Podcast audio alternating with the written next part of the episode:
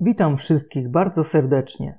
Ja nazywam się Maciej Kujawski, jestem członkiem Koła Naukowego Filmoznawców Uniwersytetu Łódzkiego i mam przyjemność powitać Was w drugim odcinku historycznym cyklu Gdzie dwóch się boi, który prowadzę razem z moim kolegą Adamem Sołtysem. Witam wszystkich.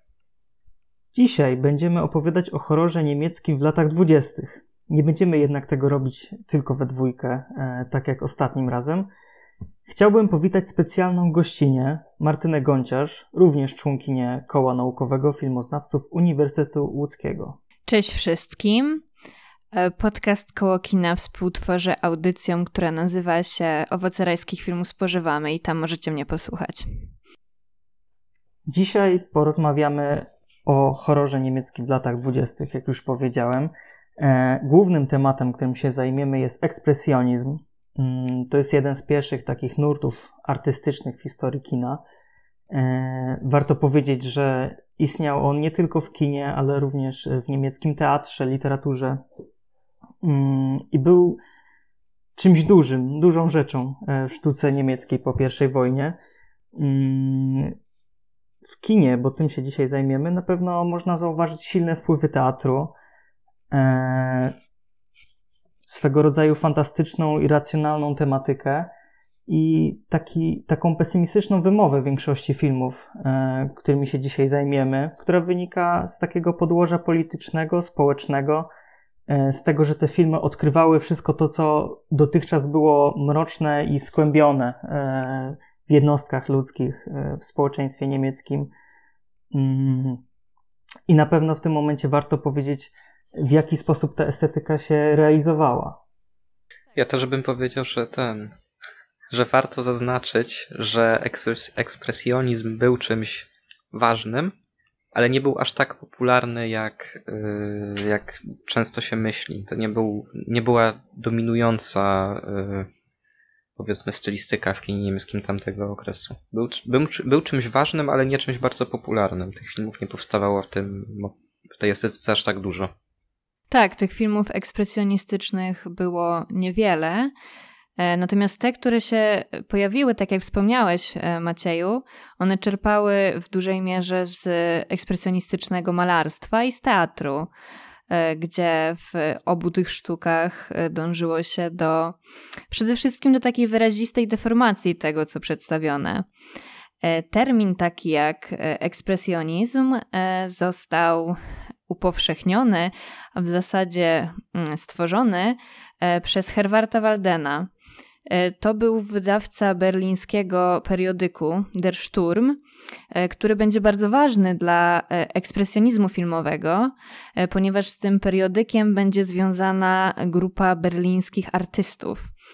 Grupa, która nazywała się tak samo jak ten periodyk i artyści związani z nią będą w filmie później pracować.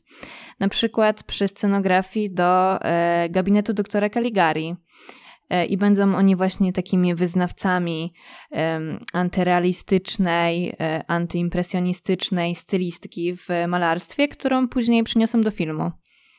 E, ekspresjonizmu możemy doszukać się również w twórczości twórców takich jak na przykład Edward Munch, Vincent van Gogh, no ale faktycznie ten trend wiążemy przede wszystkim ze, ze sztuką niemiecką. E, I oprócz Der Stur mamy jeszcze grupę artystów taką jak Die Brücke, e, Der Blaue Reiter. E, natomiast jeżeli chodzi o to, co ekspresjonistyczne jest w malarstwie, to mamy przede wszystkim naturalne kolory, kolory jaskrawe, ciemny kontur, wszelkiego rodzaju deformacje, wydłużenia, pogrubienia, Y, brak trzymania się zasad, na przykład tej renesansowej perspektywy. E, I to jest coś, co zaczerpnie e, niemiecki ekspresjonizm filmowy z malarstwa. Natomiast jeżeli chodzi o czerpanie z teatru, E, to weźmie sobie ekspresjonizm niemiecki filmowy, na przykład tą przerysowaną grę aktorską, taką bardzo mocno wystylizowaną, e, wyreżyserowaną, z precyzyjnie zaplanowaną choreografią. Z taką nadekspresją ciała, z krzykami, wrzaskami.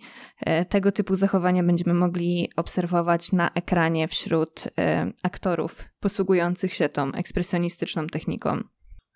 Jeszcze przez to, że tak mało było tak naprawdę tych filmów, bardzo łatwo jest wyróżnić nazwiska kojarzone z tym, z tym nurtem.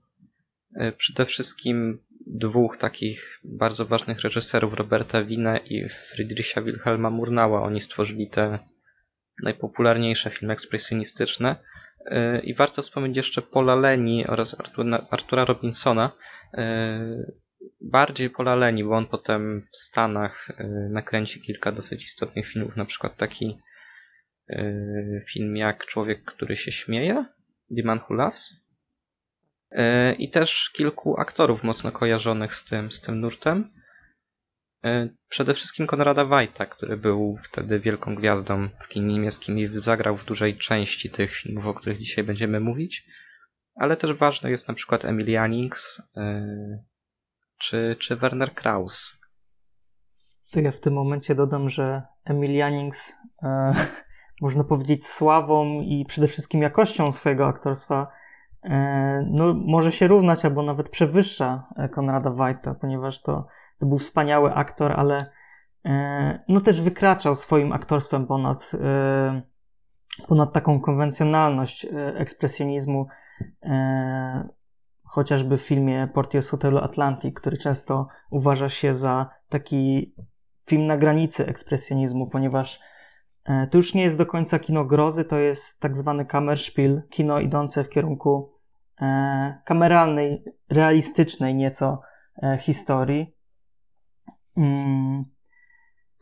Natomiast to, co Martyno powiedziałaś o, o tej teatralności, na pewno w tych filmach będzie się przekładać na wykoślawienie świata, na fantazyjną, bujną, dziwną scenografię, w której budynki zwalą, zdawają się upadać pod swoim ciężarem. Wszystko jest powykrzywiane, nienaturalne. Nie jesteśmy w stanie tych przestrzeni, które widzimy na ekranie, nie jesteśmy w stanie ich odnieść w jakikolwiek sposób do naszej rzeczywistości. To wszystko wygląda jak koszmar senny. E, nie bez przyczyny na ekspresjonizm często mówi się, że to jest e, kino scenografów. I rzeczywiście ta scenografia pełni ba bardzo ważną rolę. Ale y, drugą kwestią istotną w przypadku ekspresjonizmu jest y, światło i gra światłocieniami, y, zdjęcia w niskim kluczu. Ekspresjonizm to jest taki nurt, który ma ogromny wpływ na kino właśnie pod względem mm, tego oświetlenia, bo to wraca chociażby mm, chociażby w kinie noir z lat 40. Tak jak wspomniałeś wcześniej, Macieju, że e, ekspresjonizm niemiecki filmowy jest nazywany najczęściej kinem scenografów, tak w przypadku e, tej scenografii mamy do czynienia z takim ciekawym zjawiskiem, kiedy wszelkie przedmioty w niej ujęte e, przestają mieć swoje codzienne znaczenie. To znaczy, mamy na przykład krzywe okno, które już nie spełnia swojej funkcji, albo sufit, który ma być jedynie atrakcją wizualną, Czyli po prostu wartością nadrzędną staje się mise en scène, to wszystko, co jest w obrębie kadru. I od tego, co jest w obrębie kadru, zostają uzależnieni również y, aktorzy, przestrzenie. Y, w diagezie są niejako hermetycznie ich zamykające. Myślę, że po wytłumaczeniu ogólnikowym, czym jest ekspresjonizm, możemy przejść do filmów, zaczniemy od w zasadzie pierwszego filmu ekspresjonistycznego, przynajmniej tak się go powszechnie uważa. E, to jest gabinet doktora Caligari e, z 1919 roku. Mm, film reprezentatywny dla tej estetyki, aczkolwiek będzie trzeba wspomnieć o jednej rzeczy, która odstaje od tego nurtu i w zasadzie na podstawie gabinetu doktora Caligari idealnie widać, że mało który z tych dzisiaj omawianych przez nas filmów będzie w 100% oddawał ekspresjonistyczną poetykę. Często w jakimś, nawet niewielkim elemencie będą one odbiegać e, od takiego ideału. E, mimo to, w przypadku chociażby scenografii, gabinet doktora Caligari jest e, niesamowicie sugestywny, ekspresjonistyczny. Mm, rzeczywiście scenografia pełni w tym filmie najważniejszą rolę, ponieważ e, montaż nie ma tutaj dużej roli. E, ujęcia są statyczne. Mm, scenografia w zasadzie ma na sobie nawet namalowane cienie. E, tutaj właśnie to jest ten element, który, który odstaje od poetyki ekspresjonizmu, czyli brak zabawy światłem, światłocieniami. Tutaj wszystko jest namalowane, nawet na twarzach aktorów, żeby tutaj podbudować grozę. I cały film ogląda się jak sen. Zresztą zakończenie e, nam to wyjaśnia. To jest zakończenie trochę, nie wiem, e, w stylu Davida Finchera czy Christophera Nolana. Ja, ja bym powiedział, e, że Często... ten, że to jest troszkę bardziej jak, jak Shutter Island Scorsese, jak już porównywać do współczesnego kina. Tak, dokładnie. To jest film, mm, który się bawi poetyką snu, poetyką koszmaru, w którym postacie zdają się same być scenografią, wpisywać w tę scenografię. E, najważniejszym elementem chyba tego, co tutaj e, widzimy, jest e, klaustrofobia. To, że uliczki są bardzo ciasno, e, tak stłamszone, e, umieszczone, że wszystko jest powykręcane, że czasami relacja między kolejnymi przestrzeniami jest dla nas bardzo niejasna. Ciężko jest nam na przykład otworzyć e, obraz miasteczka, jak ono wygląda, no bo kolejne kadry są bardzo abstrakcyjne i ciężko je połączyć w jedną całość. E, I bohaterowie tego filmu, wszyscy niemal co się pojawiają, wyglądają jakby e, byli na skraju jakiegoś załamania nerwowego czy psychicznego. E, urzędnicy są niesamowicie pochyleni, wyglądają jak parodie rzeczywistych odpowiedników urzędników. A doktor Caligari swego czasu miał symbolizować tyrana, którego całe społeczeństwo się obawiało tego manipulatora, który tutaj hipnotyzuje ludność, e, rozkazuje na lewo i prawo, a jego twarz skrywa jakąś taką dziwną tajemnicę i czujemy, że knuje coś niedobrego. Wspomniałeś, e, Maciej, o tym, że aktorzy w filmach niemieckiego ekspresjonizmu filmowego są niejako stopieni z tą scenografią. E, to, to jest pewnego rodzaju takie urzeczowienie, uprzedmiotowienie bohaterów. E, na co oczywiście nie są e, obojętni główni teoretycy tego nurtu, czyli Krakauer i Eisner, e, którzy w swoich opracowaniach zwracają uwagę na to, że ludzie zostają niejako sprowadzeni do rangi rzeczy po prostu. W przypadku akurat jeszcze Krakauera, to, to on, jak wiadomo, umieszcza postać Kaligariego w tytule swojej książki, obok Hitlera. I on tutaj konstytuuje taką narrację, jakoby e, kino tamtego okresu było czymś w rodzaju zarodkiem, odzwierciedleniem tyranii. Wspomniałeś właśnie tutaj o, o tym e, cesarzu Wilhelmie II. E, I, I ten Kaligari właśnie posługuje się Cezarem i, i wysyła i posługuje się nim jako właśnie taką marionetką, tak jak właśnie ten cesarz Wilhelm II wysyłał swoich poddanych na, e, na I wojnę światową. Na pewno dominującym aspektem e, inscenizacji tego filmu jest ten całkowity brak realizmu, całkowite odejście od e, rzeczywistego obrazowania. Tutaj mamy tylko i wyłącznie jakieś dziwne gotycko-kubistyczne wzory. Wszystko jest wykoszlawione, sparodiowane w jakiś sposób wizualnie. A fabuła jest niezwykle prosta i ukrywa te drugie dno, e, którym jest po prostu lęk społeczeństwa niemieckiego przed imperializmem. I przez to, że ta fabuła jest prosta, ale jednocześnie ma ten taki plot twist na końcu, e, ten film dalej się dobrze ogląda i przetrwał przede wszystkim ten nastrój, którego już się nie da po prostu odtworzyć.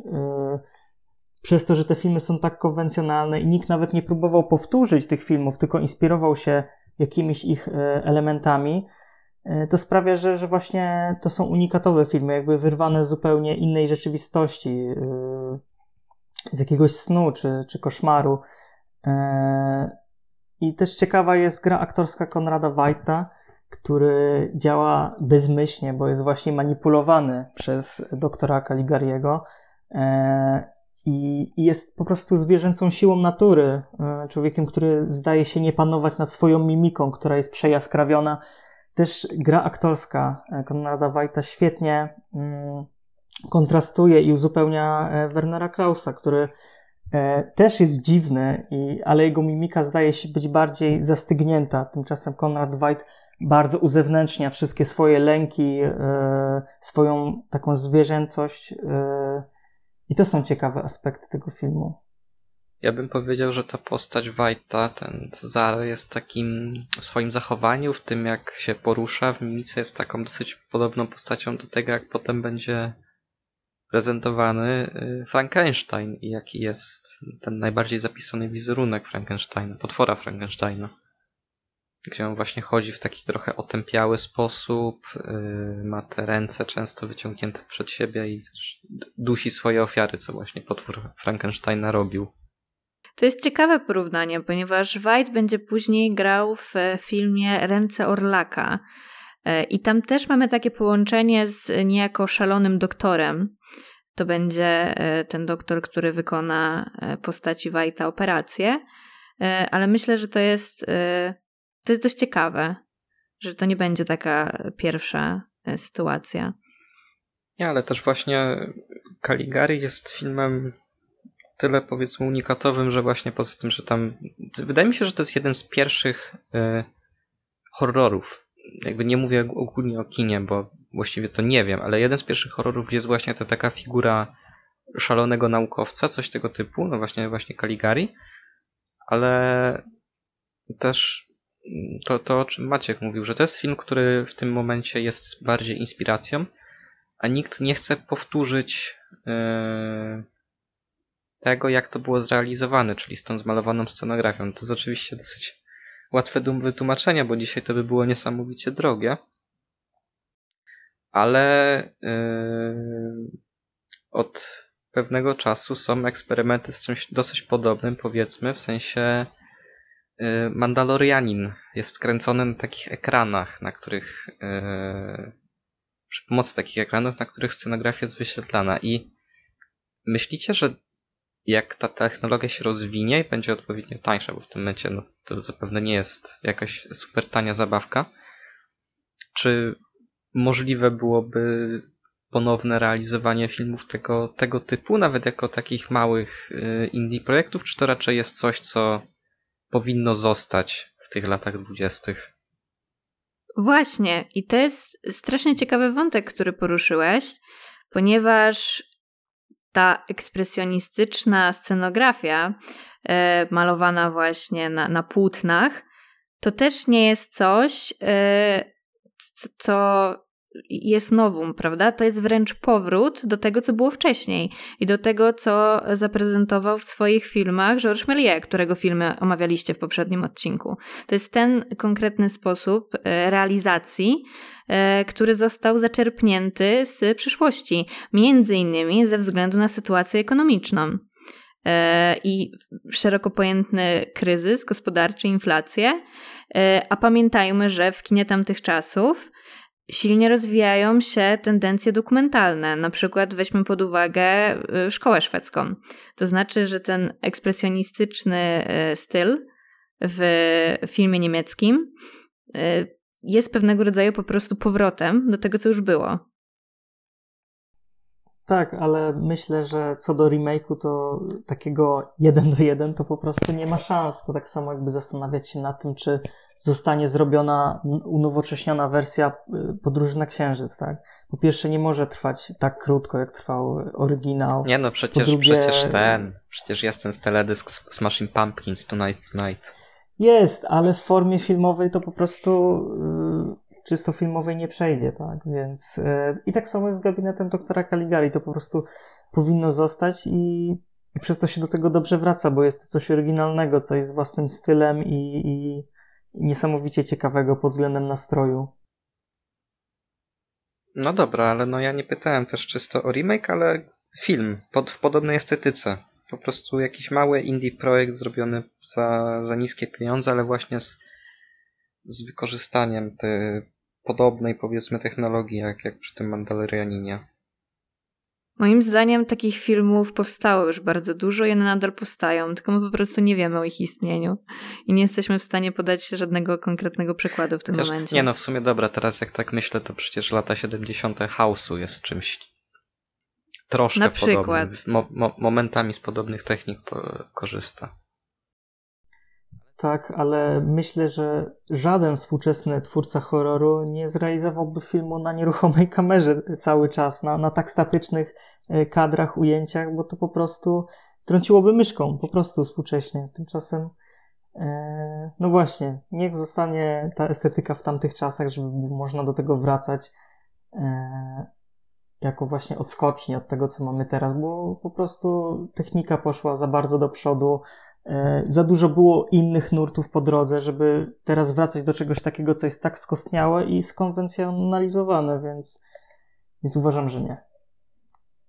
To, co jest bardzo istotne w kontekście tego filmu, o czym jeszcze nie wspomnieliśmy, to jest fakt, że on jest uważany niejako za początek kina artystycznego.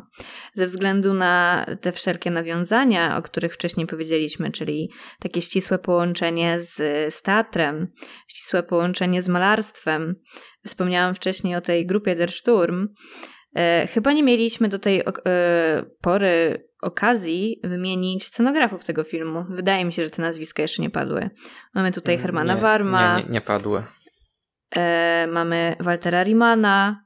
Pamiętacie, jak nazywał się jeszcze jeden scenograf? Przyznam, że teraz w tym momencie wleciało mi do z głowy.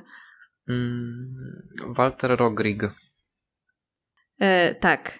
E, i, I ten film właśnie przez, przez te ścisłe swoje powiązania ze sztuką został okrzyknięty e, niejako jako taki e, protoplasta związany z tym, że kino przestało być rozrywką adresowaną do mas stało się e, pewnego rodzaju komunikatem dla publiczności o konkretnych cechach.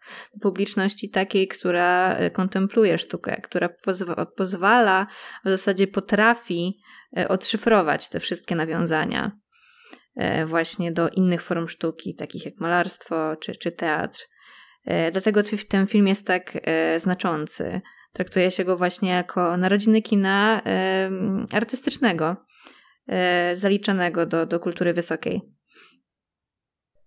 Myślę, że o gabinecie doktora Caligari na razie wystarczy. Być może wrócimy do tego wątku. To jest bardzo inspirujący. Myślę, że możemy. Przepraszam, że przerywam, ale myślę, że w, w, pod koniec, już w podsumowaniu, jak będziemy rozmawiać o tym, jaki wpływ miał ekspresjonizm, to możemy właśnie też do Caligariego trochę wrócić. Tak, ale tymczasem przejdźmy do filmu no, mniej udanego, też jednego z pierwszych ekspresjonistycznych, E, ale bardzo ciekawego.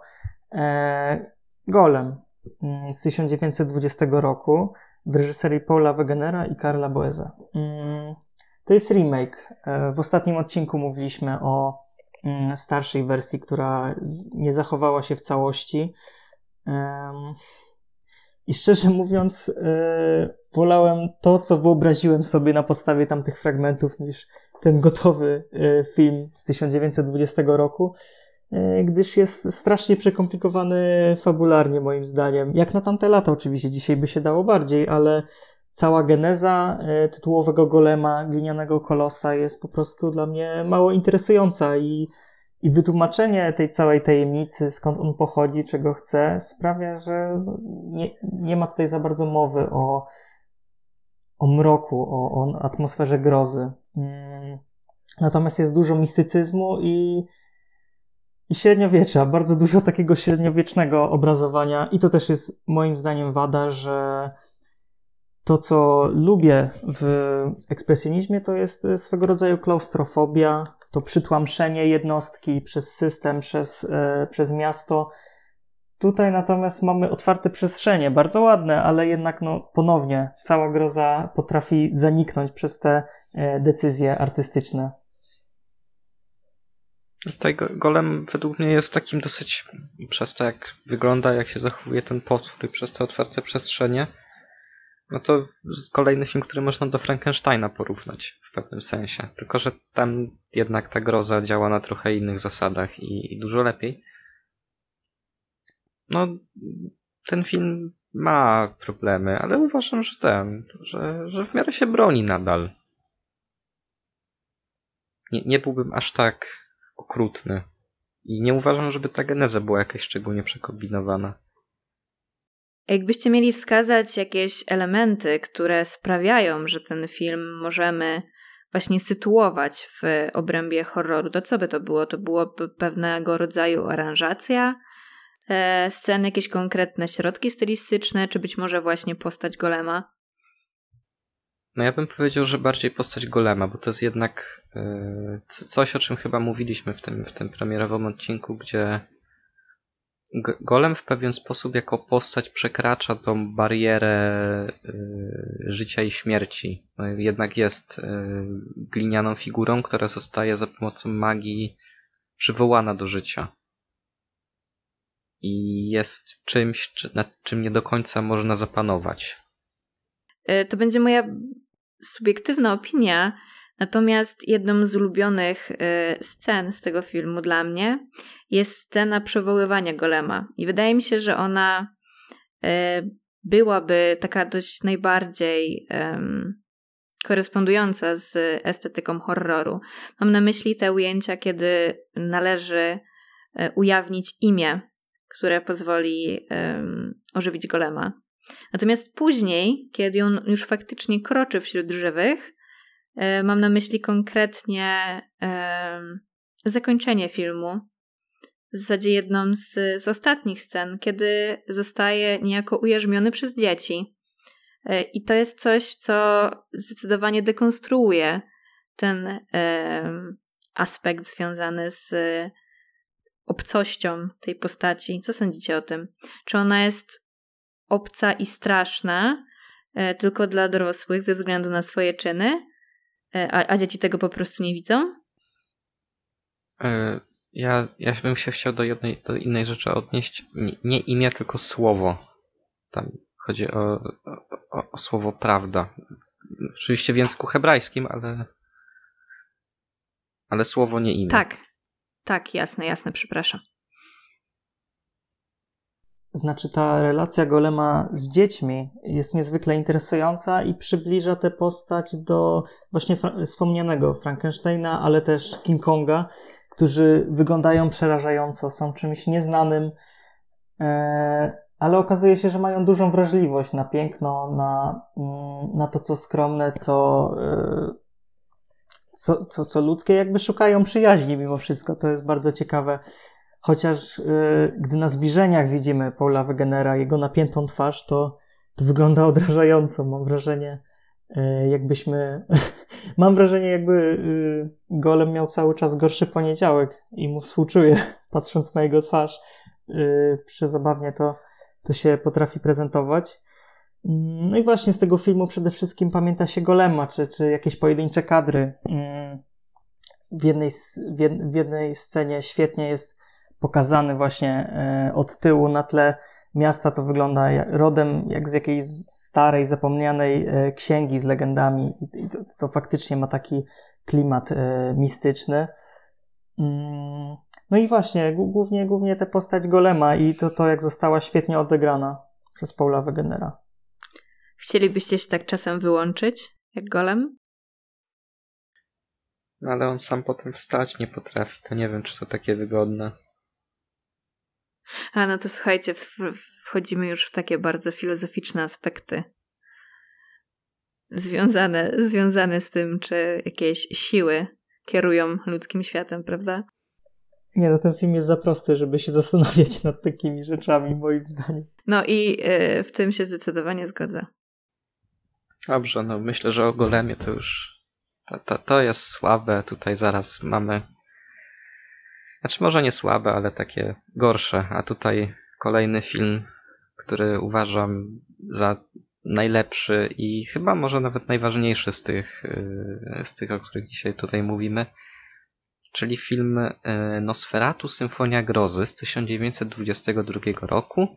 Yy, film w reżyserii Friedricha Wilhelma Murnała i z bardzo charakterystyczną rolą Maxa Schrecka, w którym podobno krążyły legendy, że sam jest wampirem. Do tego się potem nawet odnosił e, film Cień Wampira, jeśli dobrze pamiętam, z Willemem Defoe, który właśnie prezentuje zakulisową historię e, z planu Nosferatu, gdzież Max Schreck faktycznie jest, jest, jest, jest takim, takim krwiopijcą. E, I z takich ważniejszych informacji o tym filmie no na pewno to, że to jest pierwsza faktyczna i dodatkowo nieautoryzowana postać, nie postać, adaptacja Drakuli Brama Stokera. I przez to z tym filmem twórcy tego filmu mieli przez to małe problemy, bo wytoczony został pozew sądowy. Ostatecznie zasądzono, że wszystkie kopie miały zostać zniszczone i na szczęście ostatecznie film przetrwał na jakichś takich chyba nielegalnych kopiach, które się zachowały, w, jeśli dobrze pamiętam, w Ameryce Południowej. No ale yy, czuć w porównaniu do innych y, adaptacji Drakuli, szczególnie do tej najważ... nie najważniejszej, ale najwierniejszej, czyli do tej y, do filmu Coppoli, Francisa Forta Coppoli z 1992, że no lekko zostały puszczone w ruch wodze fantazji. Y, Nosferatu zdecydowanie Drakuli nie przypomina, jest dużo bardziej taką zwierzęcą postacią. Te jego kły wyglądają kompletnie inaczej, gdzie właśnie Dracula czy inne te takie klasyczne wampiry mają zaostrzone właśnie, właśnie kły. A Nosferatu ma, ma ostre siekacze i dodatkowo jest taki, jest bardzo wysoki, ma szpiczaste uszy, ma takie bardzo długie szpony. Wygląda zdecydowanie dużo, dużo groźniej i niedostojniej niż Dracula. Mm, no i, i dodatkowo jest w tym filmie dodany wątek, którego nie było w normalnej, w innych, w innych wersjach filmów, czyli Dracula razem ze sobą, nie Dracula, Nosferatu razem ze sobą przywozi yy, zarazę. Przywozi szczury, które sprowadzają plagę na miasto, gdzie właśnie Dracula był yy, bardziej strach związany z Drakulą był bardziej wywołany przez to, że on był czymś obcym i nieznanym. Tak, i ten strach jest związany z tym, e, że on wyróżnia się na tle tego realistycznego świata. Ta konwencja, która dominuje w, w świecie przedstawionym, zdecydowanie odróżnia ten film. Na przykład od gabinetu doktora Caligari, trochę bliżej by mu było do golema, natomiast tam w golemie również mamy, e, tak jak golem jest gliniany, tak samo gliniane e, są te domy na, na praskich ulicach. Natomiast tutaj przeraża nas to, że w tym realnym świecie mamy nierealną postać. I to jest źródłem strachu głównie. Tak, to co mówisz wynika z tego, że Friedrich Wilhelm Murnau był absolutnym wizjonerem. Można powiedzieć, że on tworzył filmy ponad sztampowością e, kina ekspresjonistycznego i tutaj zdecydował się na bardzo odważny krok, jak na tamte lata, żeby e, wiele partii tego filmu e, nakręcić w plenerach. Mm. Co prawda, niektóre te ujęcia w plenerach się trochę zestarzało, no wiadomo, to ze względu na postęp technologiczny dzisiaj by się to dało lepiej zrobić. Też dlatego pewnie e, Nosferatu i, i Dracula jako taki mają bardzo dużo wersji i, i remake'ów, bo można na bardzo różne sposoby to pokazywać i no właśnie, e, poprawiać jakość za każdym razem. Ale no właśnie, Friedrich Wilhelm Murnau korzysta tutaj z bardzo prostego scenariusza, z bardzo prostej historii, która ma jasno wyznaczone segmenty, bardzo czytelna jest ta struktura. E, jakby łatwo jest powiedzieć, e, jakie są te kolejne etapy historii. Mm, no i właśnie to odbieganie od ram ekspresjonizmu pozwala e, Murnauowi uchwycić taką złożoność świata i jego wszechstronność i i to jest to, to coś, co będzie się przewijać w jego e, innych filmach. E, on naprawdę był artystą. Tutaj to widać chociażby mm, w scenach różnego rodzaju podróży, chociażby gdy e, Nosferatu jest na statku i ten statek płynie, to nagle mamy ujęcia na fale, nagle na maszty. Mm, ma to w sobie elementy takiej krajoznawczości. Dużo bardziej to jeszcze rozwinął Werner Herzog w remake'u Nosferatu, który w zasadzie e, prezentuje się jak film dokumentalny o, o Drakuli i większość czasu obserwujemy tę piękną przyrodę, e, która góruje nad bohaterami. Mm, I tutaj też czuć w sumie ten fatalizm, e, niesamowicie dobrze zbudowany dramaturgicznie, ze świetnie dozowaną rolą Nosferatu. On nie, on nie jest na ekranie cały czas, on, on pojawia się co jakiś czas, trochę jak e, Obcy Ridleya Scotta, tak? Gdzie też niewiele jest go na ekranie, ale gdy już się pojawia, to, e, to przykuwa uwagę i właśnie tutaj mamy mnóstwo e, niesamowicie charakterystycznych, pamiętnych kadrów, które przeszły do historii kina. No tak, no chyba najbardziej znany jest ten jest ten, w którym widać jedynie cień Nosferatu, który akurat wchodzi po schodach i jest ta, ta ręka wyciągnięta do przodu. No to jest coś, co też myślę, że można śmiało uznać za w pewien sposób yy, inspirację dla, dla Frediego Krugera z tą jego rękawicą, ale też e, Nosferatu jest istotnym filmem generalnie dla kina o wampirach przez to, że wprowadził jeden element, który jest obecnie z wampirami mocno kojarzony, a nie był od początku w powiedzmy w lore wampirów, Czyli to, że Nosferatu na sam koniec yy, zostaje spalony przez światło słoneczne. Yy, no dzisiaj to jest dla nas oczywistością, że, że wampiry w, w świetle słonecznym płoną. No, chociażby film yy, Pragnienie Park Chan-wooka, gdzie to jest dosyć istotny element, że te wampiry są bardzo wrażliwe na światło. A właśnie przed Nosferatu tego nie było. I, i, I dopiero właśnie film Murnała to wprowadził coś, co jest no, dzisiaj myślę nawet bardziej istotną słabością wampirów niż, niż czosnek. Tak, e, i oprócz tego, że ten film Nosferatu jest fantastyczny pod względem e, dramaturgii, mm, mamy tutaj świetne, takie niemalże Hitchcockowskie odwlekanie w czasie kolejnych przerażających wydarzeń, to stopniowe budowanie napięcia. E, mówiłem o tym ujęciu na fale w trakcie, gdy e, statek zbliża się do miasta i czujemy mm, to, że zaraz nadejdzie zło i to jest fenomenalnie e, zbudowane. Mm, ale kolejnym istotnym aspektem jest symbolika tego filmu i to, jak dużo jest nawiązań do zwierząt. Zresztą, Adam, już powiedziałeś, że Nosferatu w tym filmie jest bardzo zwierzęcy, jest taki prymitywny, mało ludzki w przeciwieństwie do e, na przykład amerykańskiej Drakuli z lat 30., który jest taki elegancki, ale e, pod tą swoją maską elegancji skrywa właśnie całe zło. Mm, tutaj natomiast właśnie mamy mm, Nosferatu, który niewiele się różni tak naprawdę od szczurów, które przywozi razem ze sobą. Mm, też w tym filmie wiele jest ujęć zwierząt. Myślę, że to jest bardzo jednoznaczna symbolika no i właśnie, to, to, to sprawia, że mamy na ekranie bardzo przerażającego potwora. Tak, na przykład wiele psychoanalitycznych interpretacji tego filmu e, każe niejako szukać jakichś takich bezpośrednich ingerencji e, reżysera związanych z jego prywatnym życiem. E, i, I każą rozpatrywać ten film jako, jako film o pewnego rodzaju wykluczeniu.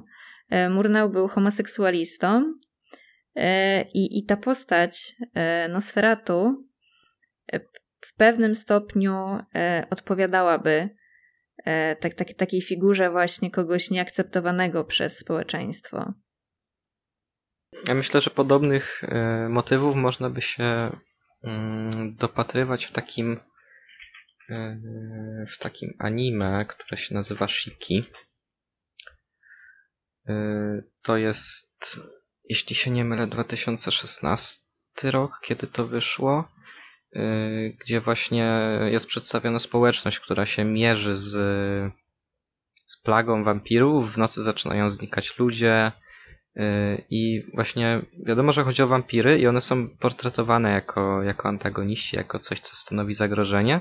Tylko w pewnym momencie Yy, nie, przepraszam, nie 2016, tylko 2010 to jest. Ten przesadziłem. Ale no w każdym razie w pewnym momencie zmienia się perspektywa. I zaczynamy obserwować y, akcje z perspektywy tych, tych wampirów, tych tytułowych y, shiki, bo tak się nazywają. Y, gdzie się nagle okazuje, że to nie do końca jest tak, że one po prostu chcą y, zabijać ludzi dlatego, że po prostu chcą się nimi pożywiać. Tam chodzi o trochę inne rzeczy, nie, nie będę wchodził w spoilery. Ale w pewnym momencie znowu perspektywa wraca na ludzi, którzy postanawiają się wziąć za problem. Yy, pozbyć się tych, tych, tych wampirów z, z miasteczka. I prawdopodobnie bez tej odwróconej perspektywy byśmy to mogli po prostu traktować jako historię o tym, że no tutaj przyszły wampiry, ludzie je tam pozabijali i koniec, dobro wygrało. A przez tą zmienioną perspektywę w pewnym momencie całość historii wybrzmiewa totalnie inaczej. Właśnie jest bardzo istotny ten wątek wykluczenia i inności, która yy, jakby to, że coś ze swojej natury powiedzmy jest yy, trudne do zrozumienia, znaczy automatycznie, że jest złe. W tym momencie możemy przejść do filmu, o którym opowiemy krótko, głównie ja i Adam. E, Cienie z 1923 roku e, w reżyserii Artura Robinsona. E, to nie do końca jest horror, ale stwierdziliśmy, że musimy o nim chociażby krótko wspomnieć, ponieważ e, no dobrze oddaje poetykę ekspresjonizmu.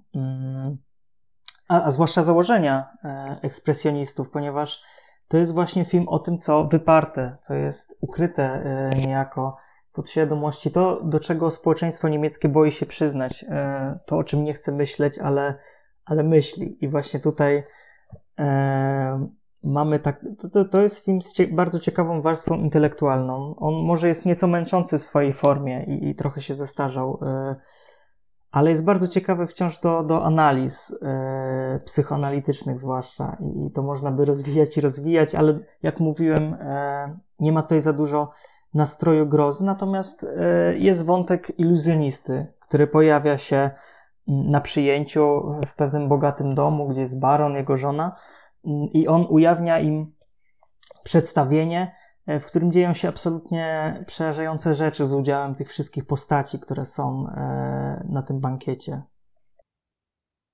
Ja bym powiedział, że właśnie forma jest najciekawszym elementem tego filmu i to, co się dzieje na ekranie, jest dużo bardziej interesujące od fabuły, bo ten film wygląda absolutnie niesamowicie.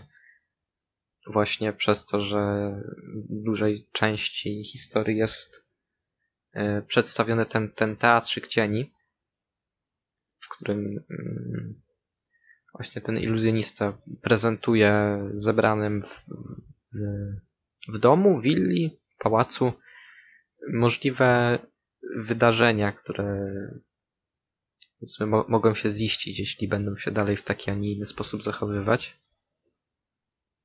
No ale właśnie uważam, że jeżeli dzisiaj za coś warto ten film pamiętać, to, to właśnie wizualia. Ale ale, ale, możesz, ale możesz rozwinąć ten wątek psychoanalizy, bo, bo ja tutaj raczej za dużo do powiedzenia nie mam, a, a myślę, że skoro wspomniałaś, to można to, to rozwinąć lekko. Znaczy ja właśnie nie chciałem tego rozwijać. Mówiłem, że można o tym mówić i mówić, ale to nie jest do końca przedmiot yy, dzisiejszej rozmowy. Yy, ja chciałem zwrócić uwagę jeszcze na scenografię w tym filmie, krótko. E, która jest bardziej klasyczna, mm, prezentuje nam jakąś preromantyczną epokę, e, ale pojawia się bardzo dużo e, rekwizytów, które mają bardzo ciekawe znaczenie symboliczne i budują ten nastrój no, ta, ta, takiej neurozy społecznej, jak schody, zwierciadła, świece. To są elementy, które sprawiają, że mamy wrażenie takiego zagubienia w społeczeństwie i to, że wszyscy błądzą niczym E, Caligari w swoim filmie. To jak znowu wracamy do, do Caligariego, to może wróćmy, a w zasadzie przejdźmy do filmu e, reżysera Caligariego, który powstaje praktycznie 5 lat po Caligari, czyli chyba, chyba jednym z moich ulubionych z tego waszego dzisiejszego zestawienia, mianowicie Ręce Orlaka z 1924 roku. E, to jest taka dość, powiedzmy, catchy historia. Historia ja, ja pianisty. Bym jeszcze, ja, by, ja bym jeszcze dał disclaimer. Y, ten, ten, film w żaden sposób nie jest powiązany z Nosferatu, mimo że główny bohater nazywa się tak samo jak hrabia Orlak z, z filmu Murnała. Tak, tak, to jest coś, y, to, to jest coś ciekawego. Mamy tutaj historię pianisty, który traci dłonie w wypadku kolejowym. E, później ma operację przeszczepu dłoni i popada w obsesję, ponieważ dowiaduje się, że e, przeszczepiono mu ręce z marłego mordercy. Jest przekonany, że Terence popychają go do zbrodni. I tutaj mamy taką bardzo charakterystyczną, pantonimiczną grę tytułowego Orlaka, w którego rolę wciela się Konrad White, który właśnie uprzednią tego samego reżysera grał Cezara w gabinecie doktora Caligari. Jestem ciekawa, co sądzicie o tym filmie, bo wiem, że mieliście okazję go ostatnio obejrzeć. No ja uważam, że to jest historia, którą dzisiaj z powodzeniem mogłoby Studio 24 zrealizować. I pewnie byłby to całkiem popularny film. Ale takim najbardziej istotnym elementem tego filmu według mnie jest taki element autosugestii, która występuje u głównego bohatera, który przez sam fakt, że wydaje mu się, że posiada te ręce seryjnego zabójcy, teraz musi popełniać zbrodnie. To jest coś, co uważam można ciekawie z takiego psychologicznego punktu widzenia e, podejść, gdzie no, wiadomo, że istnieją takie zjawiska jak, e, jak hipochondria, czy czy, czy na przykład zespół Barony Münchausena albo zastępczy zespół Münchausena, gdzie właśnie istotnym elementem jest to, że wmawiamy sobie albo ktoś nam wmawia, że coś jest z nami nie tak i zaczynamy wierzyć w to aż za bardzo. To, co mówisz, nasuwa mi takie stwierdzenie, które często jest przyporządkowane właśnie do tych filmów ekspresjonistycznych. To znaczy, że występuje pewnego rodzaju subiektywizacja. Natomiast w przypadku tego filmu mam wrażenie, że nie jest to kwestia subiektywizacji, a po prostu rozwijania historii, będąc blisko bohatera. Tak, to, to jest bardzo ciekawe, co mówisz. W tym filmie perspektywa jest bardzo zawężona właśnie do głównego bohatera. E, to też sprawia, że jest on nieco jednostajny, ten film. No, większość tych filmów, które dzisiaj omawiamy, yy, może nudzić niektórych współczesnych odbiorców, powiedzmy. Yy, ten film jest dobry, ale ma takie elementy, że, że, że mam wrażenie, że jest po prostu nieco przeciągnięty, ale, yy, ale przede wszystkim ma świetną rolę Konrada Wajta. Ogólnie większość aktorów, których dzisiaj omawiamy, yy, ma taką niesamowitą wszechstronność, jeśli chodzi o te role. Wszystkie są ekspresjonistyczne, wszystkie są przesadzone e, aktorsko ich role, mm, ale mimo to się różnią w jakichś tam niuansach. I tutaj jest podobnie, też, też nieco bardziej w rzeczywistości jest zanurzona e, poetyka tego filmu. I najbardziej pamiętam też scenę wypadku, który, która jest fenomenalnie oświetlona w niskim kluczu. Mm, też trwa bardzo długo, to, to ma znaczenie, że zastanawiamy się, co tam w zasadzie się stało. I przez to, że jest na dalszym planie, z pewnej odległości filmowana. Y, mamy taką swego rodzaju dezorientację nieco w tej scenie. Świetnie to wybrzmiewa i jest niemalże na początku filmu. I to jest też scena, którą, y, która kojarzy mi się przynajmniej z kinem Lyncha. On mógłby podobnie to, y, David Lynch mógłby to podobnie mm, zrealizować. Zresztą sam David Lynch nie krył się chyba z nawiązaniami do ekspresjonizmu i wiele jego filmów w mniejszym lub większym stopniu nawiązuje e, do ekspresjonizmu. Fajnie, że wspomniałeś o tej scenie wypadku, ponieważ tak naprawdę duża część rozgrywa się tam w przestrzeni pozakadrowej. I to słowo sugestia, które padło wcześniej, myślę, że jest jak najbardziej adekwatne. W zasadzie ta katastrofa kolejowa i jej następstwa zostaje widzowi zasugerowane, a nie bezpośrednio pokazane. Tak, ale myślę, że czym dłużej e, ten film trwa, tym bardziej skręca w kierunku takiej sugestywności e, i głównie obserwowania tego aktora, które, mm, głównego bohatera, który po prostu e, no już nie jest pewien, czy, czy, czy faktycznie jest mordercą, czy on śni może, czy jest w jakimś koszmarze. I ponownie wszystkie te lęki społeczne, to wszystko ma tutaj swoje ujście i, i jak najbardziej to, to myślenie ekspresjonistyczne, nie tylko sposób obrazowania, ale właśnie sposób myślenia e, też ma bardzo dużą rolę w tym filmie. Odnośnie tego, co się dzieje z głównym bohaterem, bym jeszcze powiedział, że ten film w pewien sposób można uznać za takiego prekursora body horroru. tego, co potem na przykład robił Cronenberg u siebie, z czego chyba jest najbardziej znany i właśnie on jest najbardziej kojarzony z tym, z tym podgatunkiem. Gdzie właśnie tym elementem grozy jest ludzkie ciało, które zmienia się w sposób, którego nie jesteśmy w stanie kontrolować. Tak, też dochodzą do tego e, bardzo ciekawie zagrane sceny, chociażby scena e, z lekarzem, który objaśnia, co stało się z głównym bohaterem. Nie zachowuje się zupełnie jak człowiek, sam wygląda jakby umarł, tak? Jakby, e, jakby jego dusza gdzieś odleciała. Mamy osłupiałego bohatera z tą samą twarzą. Żona głównego bohatera jest zrozpaczona, on natomiast zachowuje się, nie wiem, jak zombie, tak? Jak wampir, który, który nie ma uczuć i, i, i to też budzi bardzo e, jednoznaczne skojarzenia i, i, i jest niesamowicie sugestywne. Wcześniej, Adam, wspomniałeś o A24, a zastanawiam się, czy wiecie, że ten film doczekał się bardzo wielu remake'ów albo filmów inspirowanych. E, w 35 powstaje taki film jak Szalona Miłość. E, Chyba główną rolę w nim grał Peter Lorre. Ja przyznam się, że nie widziałam tego filmu. Później Peter Lorre zagrał w jeszcze jednym remake'u e, tego filmu. W latach 60. powstaje jeszcze jedna wersja. Tutaj nie jestem w stanie przytoczyć tytułu. I w latach 90. powstaje taki film, który nazywa się Części ciała. Także to jest jeden z tych filmów, e, który w przeciwieństwie E, na przykład do gabinetu doktora Caligari, doczekał się jakiejś kontynuacji. I ta sytuacja związana z, z brakiem jakiejś kończyny, którą e, Adam mi się wydaje bardzo trafnie przyporządkowałeś do, do body horroru, została przez kinematografię nieraz odtworzona. Widzieliście może któryś z tych filmów, o których mówiłam? Halo, dzień dobry, tutaj Adam z przyszłości, e, który właśnie montuje ten materiał. Okazało się, że wystąpił mały błąd w researchu, remake'i Caligariego powstały, było ich aż cztery. Na swoje usprawiedliwienie mamy to, że są to filmy, które widziało pięć osób łącznie, więc e, nie są to rzeczy, które są jakkolwiek istotne. E, ja nie, ale jak już o tym mówi, wspomniałaś, to mam wrażenie, że ten film też w pewien sposób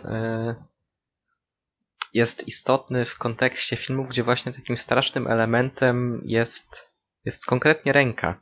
Bo tego jest całkiem sporo, jak się o tym pomyśli. No chociażby ta rączka z rodziny Adamsów, ale no też yy, opętana przez, yy, nie pamiętam jak się nazywało, Deadites z, z Martwego Zła, gdzie jedna z rąk Asha jest w pewnym momencie opanowana przez demona i próbuje urwać mu głowę. No ale właśnie takich yy, yy, zaczarowanych czy opętanych, yy, opętanych dłoni było w kinie grozy całkiem sporo. To prawda. Ja niestety nie znam tych filmów, o których Martyna y, mówisz, ale, ale tak, zgodzę się do, co do Adama, że dłonie powracają w horrorach. Myślę, że można teraz przejść e, do kolejnego filmu. Też w miarę krótko, gdyż e, nie jest on tak interesujący e, do końca, chociaż może jest.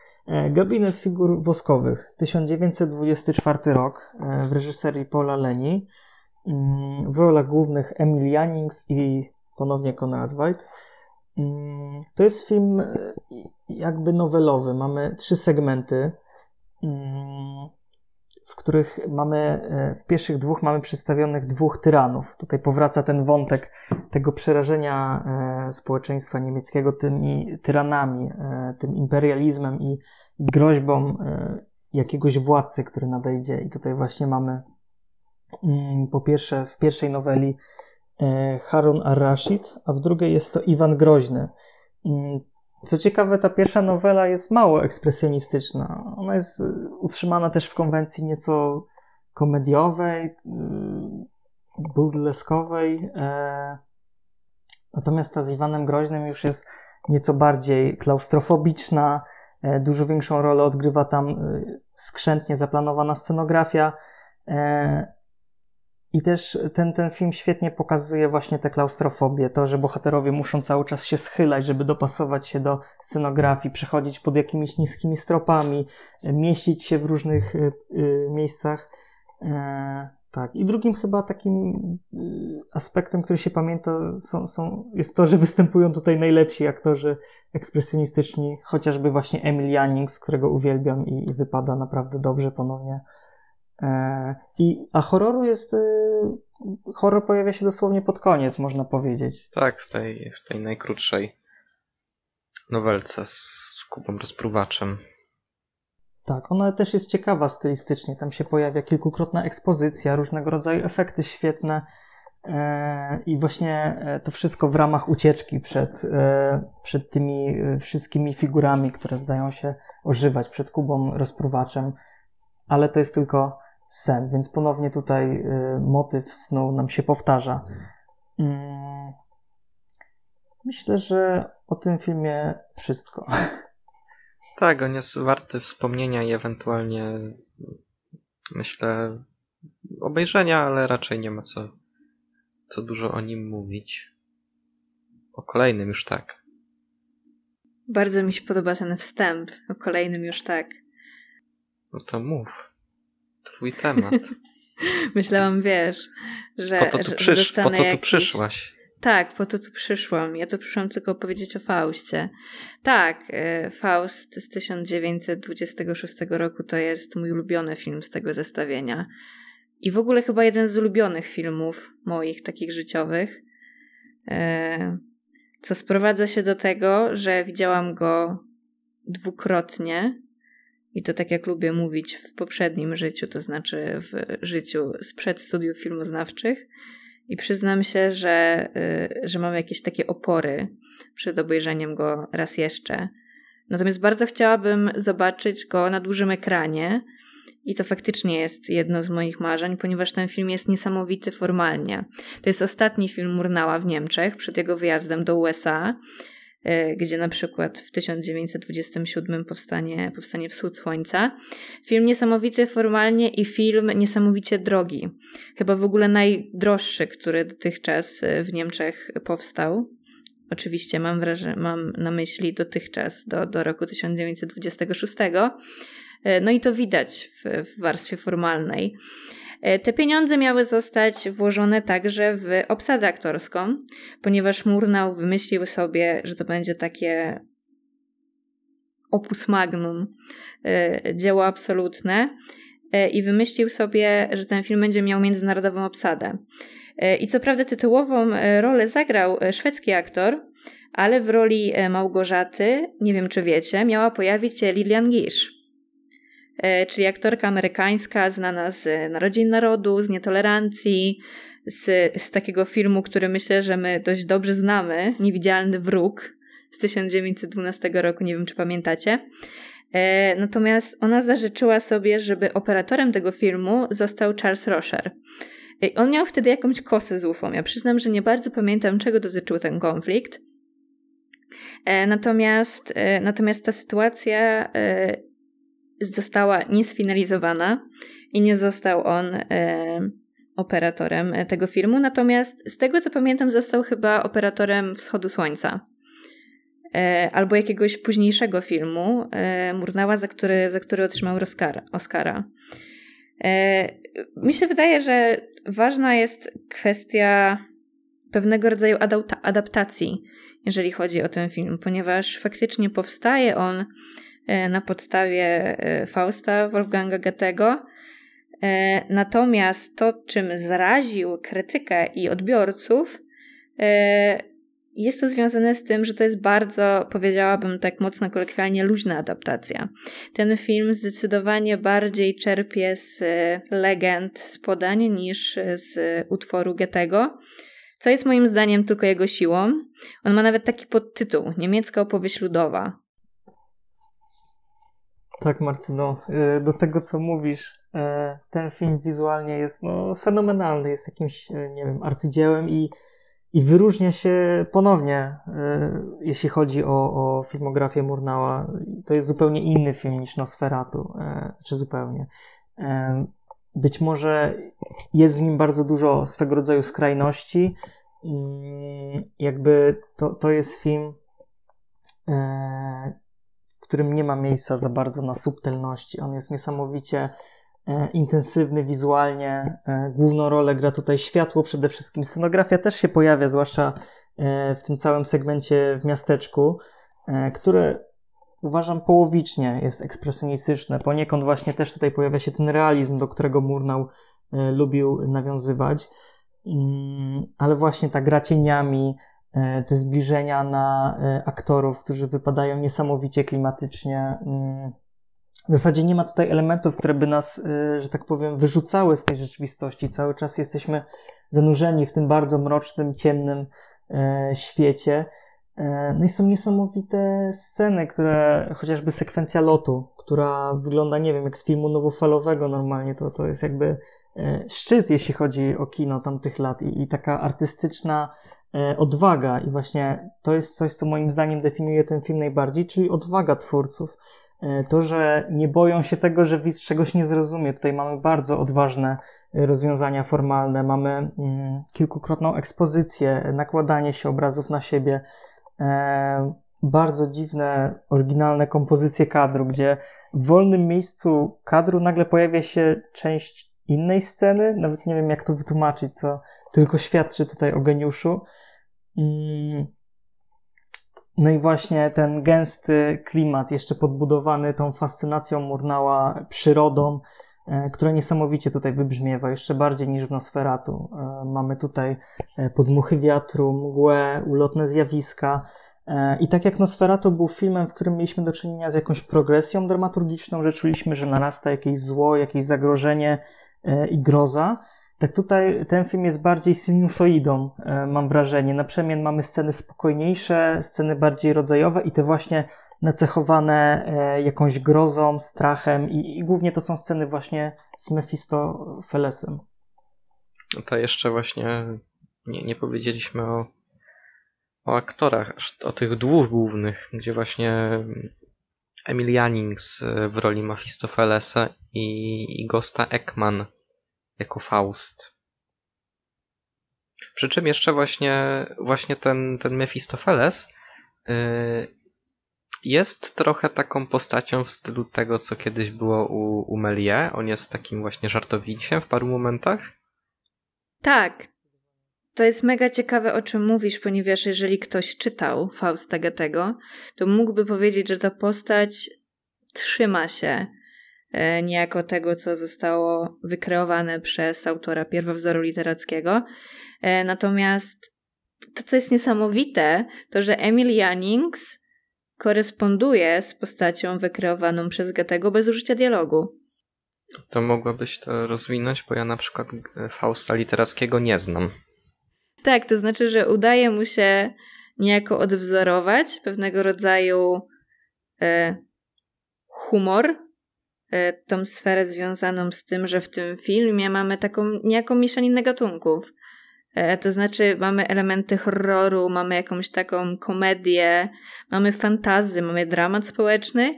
E, I to wszystko mi się wydaje, że bardzo ciekawie zostaje e, niejako połączone w tej postaci E, Mefistofelesa. To znaczy, że on tak w zasadzie nadaje e, takiego bardzo żywego tonu temu filmowi. Tak, w tym filmie jest absolutnie wszystko. To też sprawia, że to może być nieco męczący sens, ale jednocześnie no, pełen zachwytu, zwłaszcza dla tej strony e, wizualnej, formalnej tego filmu. Ten nastrój jest niesamowity. Dosłownie idealnie odzwierciedla takie e, takie nastroje epoki romantyzmu i, i ten nastrój grozy. Mm, I pomimo, że właśnie mamy tutaj mieszanie tych konwencji e, i właśnie chociażby długie sekwencje, gdzie jest więcej, e, więcej e, romansu niż kina grozy, a miejscami właśnie trochę komedii. Jeszcze indziej są psychodeliczne sekwencje, chociażby lotu, o której już wspominałem a mimo to cały czas z tyłu głowy mamy te zagrożenie ze strony tego Mefistofelesa, który jednocześnie jest właśnie śmieszny, ale też niesamowicie przerażający i, i, i to jest niesamowite. I podobnie jak gabinet doktora Caligari, to ten film niejako zostaje w swojej epoce. On jest taką archaiczną ciekawostką, ale bardzo dobrą, bardzo dobrze zrealizowaną.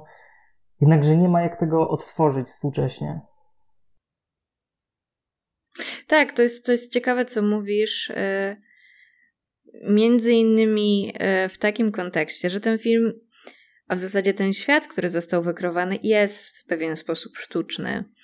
E, to znaczy, na przykład, kiedy, kiedy Faust wraz z Mefistem uciekają po zabójstwie, to oni mogą to zrobić tylko tą jedną ścieżką, która jest wytyczona przez, e, przez scenografię. Mamy tutaj też takie drastyczne przywoływanie pewnych motywów, które w bardzo ciekawy sposób kontrastują z tymi humorystycznymi elementami. To znaczy, mam na myśli scenę, kiedy, kiedy Małgorzata nie ma gdzie schować się z, e, ze, ze swoim niemowlęciem.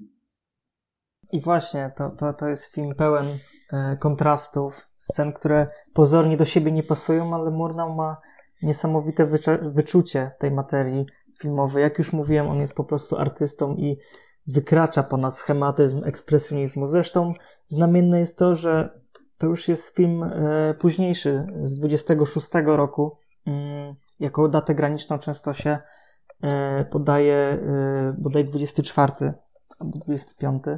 Mm, ten film to jest film po prostu autora, Murnała, w którym E, w którym mamy bardzo dużo różnych elementów i to wszystko jakoś współgra. Mamy, mamy do czynienia z jakimś filmem, który gra na emocjach e, wciąż w bardzo ciekawy sposób. No dobrze, a tak już odchodząc od mówienia o tych filmach pojedynczo, myślę, że możemy powoli przejść w stronę podsumowania. I co byście powiedzieli o tym, jaki ekspresjonizm miał wpływ na kino konkretnie, na, na to, jak filmy wyglądały później i jak wyglądają dziś. Bo według mnie tutaj bardzo widoczny jest e, wpływ ekspresjonizmu w tych horrorach e, dzisiejszej nowej fali. Na przykład u Roberta Eggersa, który e, jest wielkim miłośnikiem Nosferatu, do tego się w wielu wywiadach przyznawał. Planował, czy nadal planuje może swój, swój własny remake tego filmu. No i też da się w jego dotychczasowych dziełach, czyli no, w Czarownicy i przede wszystkim w Lighthouse, yy, myślę dostrzec takie yy, wpływy tego, tego kina ekspresjonistycznego. No tak, jeżeli chodzi o teorię filmową, to postulowane jest takie rozumienie ekspresjonizmu jako pewnego kodu postawionego naprzeciw tym wszelkim konwencjom realistycznym, e, który co jakiś czas e, powraca, szczególnie właśnie w formie gatunkowej i odradza się w gatunkach takich jak właśnie horror, e, science fiction, ogólnorozumiane kinogrozy i wszelkie, wszelkie gatunki związane z nim. To znaczy, ekspresjonizm jest traktowany jako taki powiedzmy multiperiodyczny multiperiodyczne tworzywo, nie wiem czy mogę to w taki sposób nazwać, e, który, które zawiera w sobie jakieś takie wzorce, które będą się odradzać e, w, w kinematografiach, na przykład tuż po wojnie w, w, w, kinie niemieckim. Myślę, że w przypadku polskiego kina to byłoby, byłyby lata 50. i takie filmy jak na przykład Pętla Hasa. E, jeżeli chodzi o, o, o kino czechosłowackie, to na przykład Palacz Zwłok jest takim filmem, który będzie inspirował się ekspresjonizmem e, niemieckim zarówno w warstwie formalnej, jak i w pewnego rodzaju oddawaniu niepokojów społeczeństwa, ponieważ Palacz Zwłok rozlicza się z, z nazizmem czasu e, protektoratu Czech i Moraw.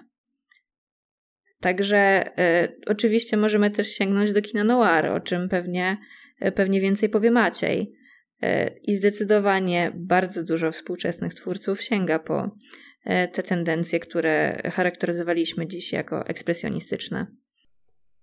Tak, e, kino noir fenomenalnie inspirowało się ekspresjonizmem. W zasadzie niejako rozwinęło tę stylistykę, chociaż też uprościło, tak, żeby opowiadać to w nieco bardziej mm, takich hollywoodzkich narracjach. To są filmy, które mają często dużo prostszą fabułę, niż na przykład taki abstrakcyjny Faust, e, o którym dzisiaj mówiliśmy. Mm, ale filmy noir no właśnie bawią się tym w zasadzie, że są czarno-białe, tymi kontrastami, tym dualizmem e, bohaterów i to wszystko oddaje strona wizualna, różnego rodzaju cienie. Mm, I w zasadzie y, też to, Martyna, o czym powiedziałaś, Palarz Zwłok też fenomenalnie nawiązuje do ekspresjonizmu. Y, oddaje już zupełnie inne nastroje polityczne, co powiedziałaś, i, i społeczne, natomiast y, zdeformowanie świata jest dość podobne, chociaż już w duchu nowofalowym. I tam nastrój tej klaustrofobii również jest niesamowicie widoczny. To jest znakomity film. Myślę, że w przypadku tego kina noir e, należy zwrócić uwagę e, na te początki i na takie może bezpośrednie powiązanie związane z emigracją twórców e, niemieckich e, po wojnie i wraz z, z nim jakichś takich tendencji, które będą się przedostawać do amerykańskiego kina. Mam tu na myśli e, przykład Fritza Langa. Tak. E, Fritz Lang zrealizował fenomenalny film Banion, chociażby to jest e, taki film, który też wychodzi ponad taką sztampowość. Ponownie można tutaj użyć słowa sztampowość wobec amerykańskiego kina noir i chyba jest to właśnie związane z twórcą, który dodaje nieco więcej e, takiego ponurego wydźwięku w to wszystko i, i, i, i też brutalności. Banion to jest film, który na swoje lata jest niesamowicie brutalny i, i polecam go. Jeszcze jeden taki nurt, który myślę, że można pewne mm, inspiracje ekspresjonizmem w nim dostrzec, to jest, uważam, w pewnym stopniu yy, kino giallo, które miało swój początek we Włoszech w latach 60. To potem, potem giallo się przerodziło w slashery, ale właśnie yy, to były filmy, które były mocno dosyć nastawione na tą warstwę wizualną i szczególnie mam tutaj na myśli pierwsze Giallo, czyli e, film Dziewczyna, która wiedziała za dużo. E, Mario Bawy, który właśnie jest e, bardzo mocno skoncentrowany na takim graniu cieniami przede wszystkim. Właśnie w warstwie wizualnej da się tutaj łatwo, myślę, dostrzec pewne takie punkty wspólne z tym, jak wyglądały filmy ekspresjonistyczne. Tak, jeszcze słowem podsumowania e, chciałem zwrócić uwagę, wrócić do tego wątku, że ekspresjonizm jako nurt jest niesamowicie e, konwencjonalny i z dzisiejszej perspektywy skostniały. Powstało wiele świetnych filmów w ramach tego nurtu, ale dzisiaj próbując otworzyć ekspresjonistyczną konwencję w 100% dostalibyśmy prawdopodobnie parodię. Film, na którym publika by po prostu się śmiała, tak? Bo E, bo bohaterowie poruszają się w jakiś dziwny sposób, bo są e, tak dziwnie przygarbieni, bo poruszają się tuż przy ścianie. To wszystko jest e, dzisiaj zupełnie nie na miejscu, można by powiedzieć. I na pewno warto z dzisiejszego odcinka zapamiętać Murnała, który był tym twórcą, który wyróżniał się na tle innych. Też chcieliśmy chwilę porozmawiać o filmie Zamek Wogelot, ale myślę, że, że nie warto, bo to nie do końca jest film grozy, ale a bardziej kryminał, taki dość klasyczny w stylu Agaty Christie, e, z jedną, jedyną sceną, w której, sceną snu oczywiście, w której ręka e, za okna, taka trupia ręka straszy bohatera. Ponownie pojawia się motyw ręki. Tak. Ja myślę, że ewentualnie gdyby dzisiaj miało coś e, w takim stricte ekspresjonistycznym stylu powstać, to mm, coś bardziej idącego w kreskówkę. Tutaj mam po prostu przed oczami jakiś yy, odcinek Looney Tunes. Czy, czy czegoś tego typu. Który mógłby być w pełni utrzymany w tej stylistyce, to wtedy faktycznie byłoby śmieszne, ale nie, nie wchodziłoby w autoparodię. Chociaż w sumie Looney Tunes miało y, odcinki, które, które tak powiedzmy zahaczały o, o ekspresjonistyczną stylistykę. Czy jeszcze macie coś do dodania, czy już możemy raczej zamykać? Myślę, że ten y, powracający motyw ręki niejako ładnie domknął nam dzisiejszą dyskusję.